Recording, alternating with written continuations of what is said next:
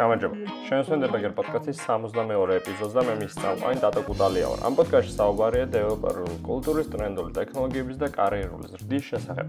ბოლო ეპიზოდები რაღაც მიმართული არის სწავლის მეთოდებზე, თუ როგორ ვისწავლოთ, რა ვისწავლოთ ეფექტურად, როდის ვისწავლოთ და დღევანდელი ეპიზოდიც იქნება ერთ-ერთი გაგრძელება აი ასეთი იდეური სერიების და ვისაუბროთ სწავლის მეთოდები განსაკუთრებით დამწყებთათვის. როგორ შეიძლება დავყოთ ის რასაც სწავლობთ, რა კატეგორიაში ვარდება და როგორ შეიძლება გავიმჯობესოთ ზოგიერთი რაცასწავლი მასალისადმი მიდგომა. მოდი დავიწყოთ იქიდან, რომ ყველაფერი ყველასთვის მარტივი სასწავლი არ არის, ან უბრალოდ შეიძლება ისე არ ერგება მას როგორც სხვა ადამიანს, ან მისთვის ისეთივე საინტერესო არ იყოს. თუნდაც ისე იგივე მაგალითად დავიღოთ უნივერსიტეტში სწავლა, კონკრეტული აკადემიური კარიერა, შეიძლება ვიღაცის ბევრად საინტერესო იყოს და გააგზავნოს დოქტორანტურაზე სწავლა, შემ შემდგომ რაღაც კვლევა აწარმოოს და თლიანად დარჩეს ამ ანუ ამ ამ კარიერაში, რაც თქვია აკადემიური კარიერა. თუმცა განსხვავებით აი ამ ამ ტიპის ადამიანებისგან არსებობენ სხვა ადამიანები, რომლებიც უფრო სხვაგან ხედავენ თავს, უფრო პრაქტიკაში ხედავენ, თეორიისგან ან გამოყოფილად ხედავენ უშუალოდ რაც software engineering-ში და მათთვის, რა თქმა უნდა, ეს კარიერა მათთვის არის შესაძფერის და ის რაშიც ყოველდღიურ ხიარულებას და კეთილდღეობას პოულობენ. ამიტომ ამორის განჟა ასე რთულია თუ სად და როდის აირჩიეს ეს ასეთი კარიერული განვითარება და რატო აირჩიეს საერთოდ. ამიტომ ამ სერიის ასე ვთქვათ პირველივე დასაწყისში რომ შევჯერდეთ, ყველა ადამიანი განსხვავებულია, ყველა თავის გზას ირჩევს. უბრალოდ აი ამ გზაზე შეგვიძლია რაღაცა სპეციფიკაციები გამოყოთ და უკეთესად დავაკვირდეთ დეტალებს. ამ დღეებში ვკითხულობდი საინტერესო სტატიებს სწორედ აი ამ თემაზე და ეს მინდა რომ გაგიზიაროთ. მოდი გავმიჯნოთ ეს ორი ნაწილი და ერთი არის დავარქვათ ასე რომ ეს არის push based სწავლება, მეორე არის pull based სწავლება. ეხლა რა განსხვავება მათ შორის და ცალ-ცალკე ვისაუბროთ და შემდგომ გამოვიტანოთ დასკვნები. პირველი push based სწავლების სპეციფიკა არის, რომ შენ სწავლობ მხოლოდ მაშინ, როდესაც ხედავ უშუალო მოთხოვნას რაღაცაზე, ხედავ რომ ის ნათლად ხელმისაწვდომი არის და იცი რომ აი მაგ რაღაცას როდესაც ისწავლი, უშუალო შედეგებს მიიღებ. მაგალითისთვის არის რომ ხედავ რომ ბაზარზე ახლა მოთხოვნადი არის. JavaScript-ის, ან თქვა React-ი, ან Laravel-ი მაგალითად ხო, PHP-ის ნაწილში. და ადგები და სწავლობ Laravel-ს, იმიტომ რომ იცი რომ ამ შემთხვევაში მოთხოვნა ამაზე, იცი რომ ანუ ნათლად ჩანს კარიერული განვითარება და შეგიძლია მიიღო უშუალო შედეგი. ეს შეგვიძლია აღვქვათ როგორც push based სწავლებად, მაგრამ ამას აქვს თავისი სისუსტეები. სისუსტე რა შეიძლება იყოს? ერთი შეიძლება იყოს გადაწვა, ან იმ დონეზე მისვლა, როდესაც უკვე აღარ ხსიამონებს რაღაცის კეთება, მაგრამ მიდიხარ მხოლოდ იმის გამო, რომ იმ რაღაც ბოლო მიზანს მიაღწიო. რა თქმა უნდა განსხვავება არის და ყოველთვის კომფორტული არ არის ჩვენთვის სავალი გზა, ამ მიზნამდე სავალი გზა ჯერ კიდევ დავით გურამიშვილს ნათქვამი კენწეროში გატკბილდების. მაგრამ ეს არ ნიშნავს, რომ საერთოდ დავკარგოთ რეალობის შეგრძნება და მთლიანად გზაზე რაც გვხდება, ნებისმიერ დაბრკოლება, სტრესი, გავატაროთ ისე, რომ საჭირო. ყოველ შემთხვევაში გვჭირდება, რომ დავფიქრდეთ და შევაფასოთ, რომ ეს არის თუ არა სწორი გზა, საიდანაც მივდივართ და შესვენება დაგვჭირდეს ჩვენ თავთან და დაფიქრება, რომ ნამდვილად ეს მინდა თუ არა. ეს ეს მინუსია push based სწავლებას, რომ ძალიან ზედმეტად შეიძლება ჩააჭირო იქ, სადაც აუცილებელი არაა და შენივე თავის დემოტივაცია გააკეთო. მეორე მხარეს ხდება pull based სწავლება. როგორც იყო გეუბნებათ, ანუ push pull, ეს არის მთლიანად ანტიპოდი ამ push based სწავლების და რა თქმა უნდა, ამასაც აქვს თავისი პლუსი და მინუსი.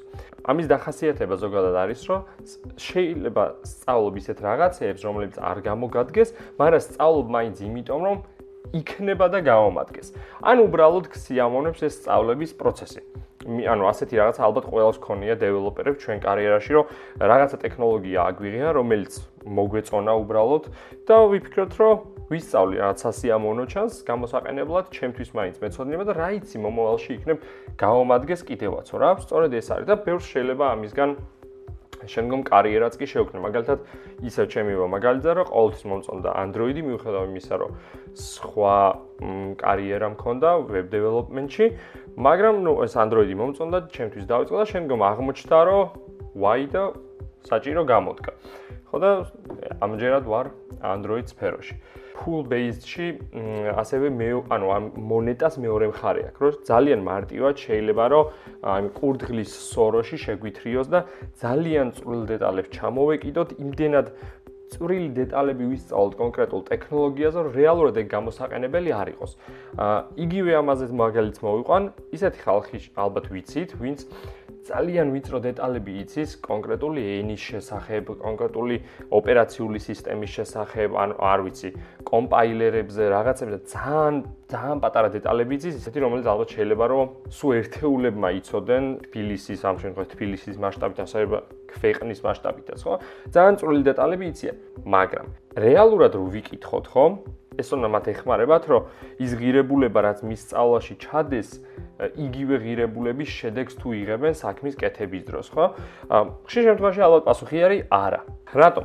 იმიტომ რომ იმდენად სპეციფიური არის ეს ცოდნა, რომ თითქმის არ გჭირდება ყოველდღიურ საქმიანობაში. როცა დაგჭირდება, ოკეი და ალბათ მაგ შემთხვევაში იმ კონკრეტულ შემთხვევაში გაამართლება, თუმცა უმეტეს შემთხვევაში პასუხი არის არა. და ეს ცუდი არ არის. უბრალოდ ესეც იგივე მომენტი არის, რომ მუდმივად უნდა ვამონიტორინგოთ და შევხედოთ ჩვენ და ისეთ რაღაცას ხომ არ ვსწავლობთ, სადაც რეალურ შედეგს ვერ გამოვიღებთ და უკვე ძალიან შორს შევტოპეთ და იქნებ ცოტა სხვა რაღაცაზე გადავერთოთ და უფრო სასარგებლო რაღაცეები ვისწავლოთ. ასევე კიდევ ერთი ეს მოსაფრთხილებელი წერტილი აქვს, რომ იმდენად შეიძლება შევყვეთ ამ სწავლას, რომ ფიქრობთ, რომ უშუალოდ რასაც ვისწავლით, ის კი არ არის მნიშვნელოვანი, არამედ თვითონ სწავლის პროცესი არის მნიშვნელოვანი და ვერც ვერაზოს ვერ მივიდეთ ფიქსირებულ წერტილამდე, იმიტომ რომ ჩვენ მუდმივად ვართ აი ამ აბსტრაქტულ და განგრძობით პროცესს, რასაც ქვია სწავლება, იმას ჩაბღაუჭებული. მაგალითისთვის ავიღოთ რაღაცა რთული კონცეფტი, რაღაცა რთული ენა, ან რა ვიცი, აი ასემბლერი ავიღოთ მაგალითად რომ მინდა აი ასემბლერის სწავლა დღევანდელობაში მე ასემბლერი საერთოდ არ მჭირდება მაგრამ უბრალოდ მიზიდავს და მიტაცებს რატომღაც ხო აი დავიწყე ახლა ასემბლერის სწავლა და იმდენ რთულია ჩემთვის ძალიან დიდი განსხვავება არის ახლა ჩემთვის ასემბლერთან მუშაობაში იმიტომ რომ მუშაობ საკმაოდ მაღალ მაღალი დონის ენებთან როგორც არის Kotlin, Java და ასე შემდეგ და უცებ მიწევს თლიანად უკან დახევა და ასემბლერზე რაღაცების სწავლა და კეთება. ოკეი, ამ შემთხვევაში ეს მომწოს მომწოს მომწოს, თუმცა იმდენად დიდ დროს და ენერგიას შეიძლება ვხარჯავდი ამის სწავლაში, რომ რეალურად ასემბლერს კი არ ვსწავლო ბოლოს, ან იქ კი არ მიდივარ. თლიანი სწავლის პროცესი მსიამოვნებს და ცდილობ რომ აი ვისწავლო და მეტი ვივარჯიშო. ალბათ ასემბლერი არ გამომადგება უმეტეს შემთხვევაში, მით უმეტეს პროფესიულად გამომადგება მხოლოდ ჩემი ჰობისთვის, რომელიც არის reverse engineer-ია და ასე შემდეგ, რომელიც ისევ და ისევ გამომეორდები, რომ ამ შემთხვევაში ჩემი პროფესია არ არის და არის ჩემი ჰობი. ასე რომ ძალიან დიდი დროის ჩადება ამ ასემბლერში არ მაძლევს იგივე შედეგებს, ანუ ზუსტად იმის პროპორციულად რა დროსაც შეგნივდებ და ეს პროცესი მთლიანად გაწელილი სწავლების პროცესი იმდენად ჩამთრევია რომ შეიძლება საბოლოო შედეგამდე არ მიყვობოდეთ. კიდევ ერთი მაგალითი ამის უფრო ნათელი რო რაღაცები იყოს არის კონკრეტული ერთი ტექნოლოგიის აკვიატება და შემდგომ მუდმივად ამის გამოყენება და ზუსტად ეს არის ის მიზეზი რაც ქვია full base სწავლებაზე დამოკიდებულება. კონკრეტულად შეგვიძლია ავიღოთ რეაქტიული პროგრამირების კონცეფცია, ხო? RX-ი. RX Java, RX JS, RX Swift ძალიან ეს RX-ის კონცეფცია ყველგან არის მოდებული და ეს reactive extension-ები, კონკრეტულად ეს ბიბლიოთეკა ყველა ენაში გვხვდება თითქმის.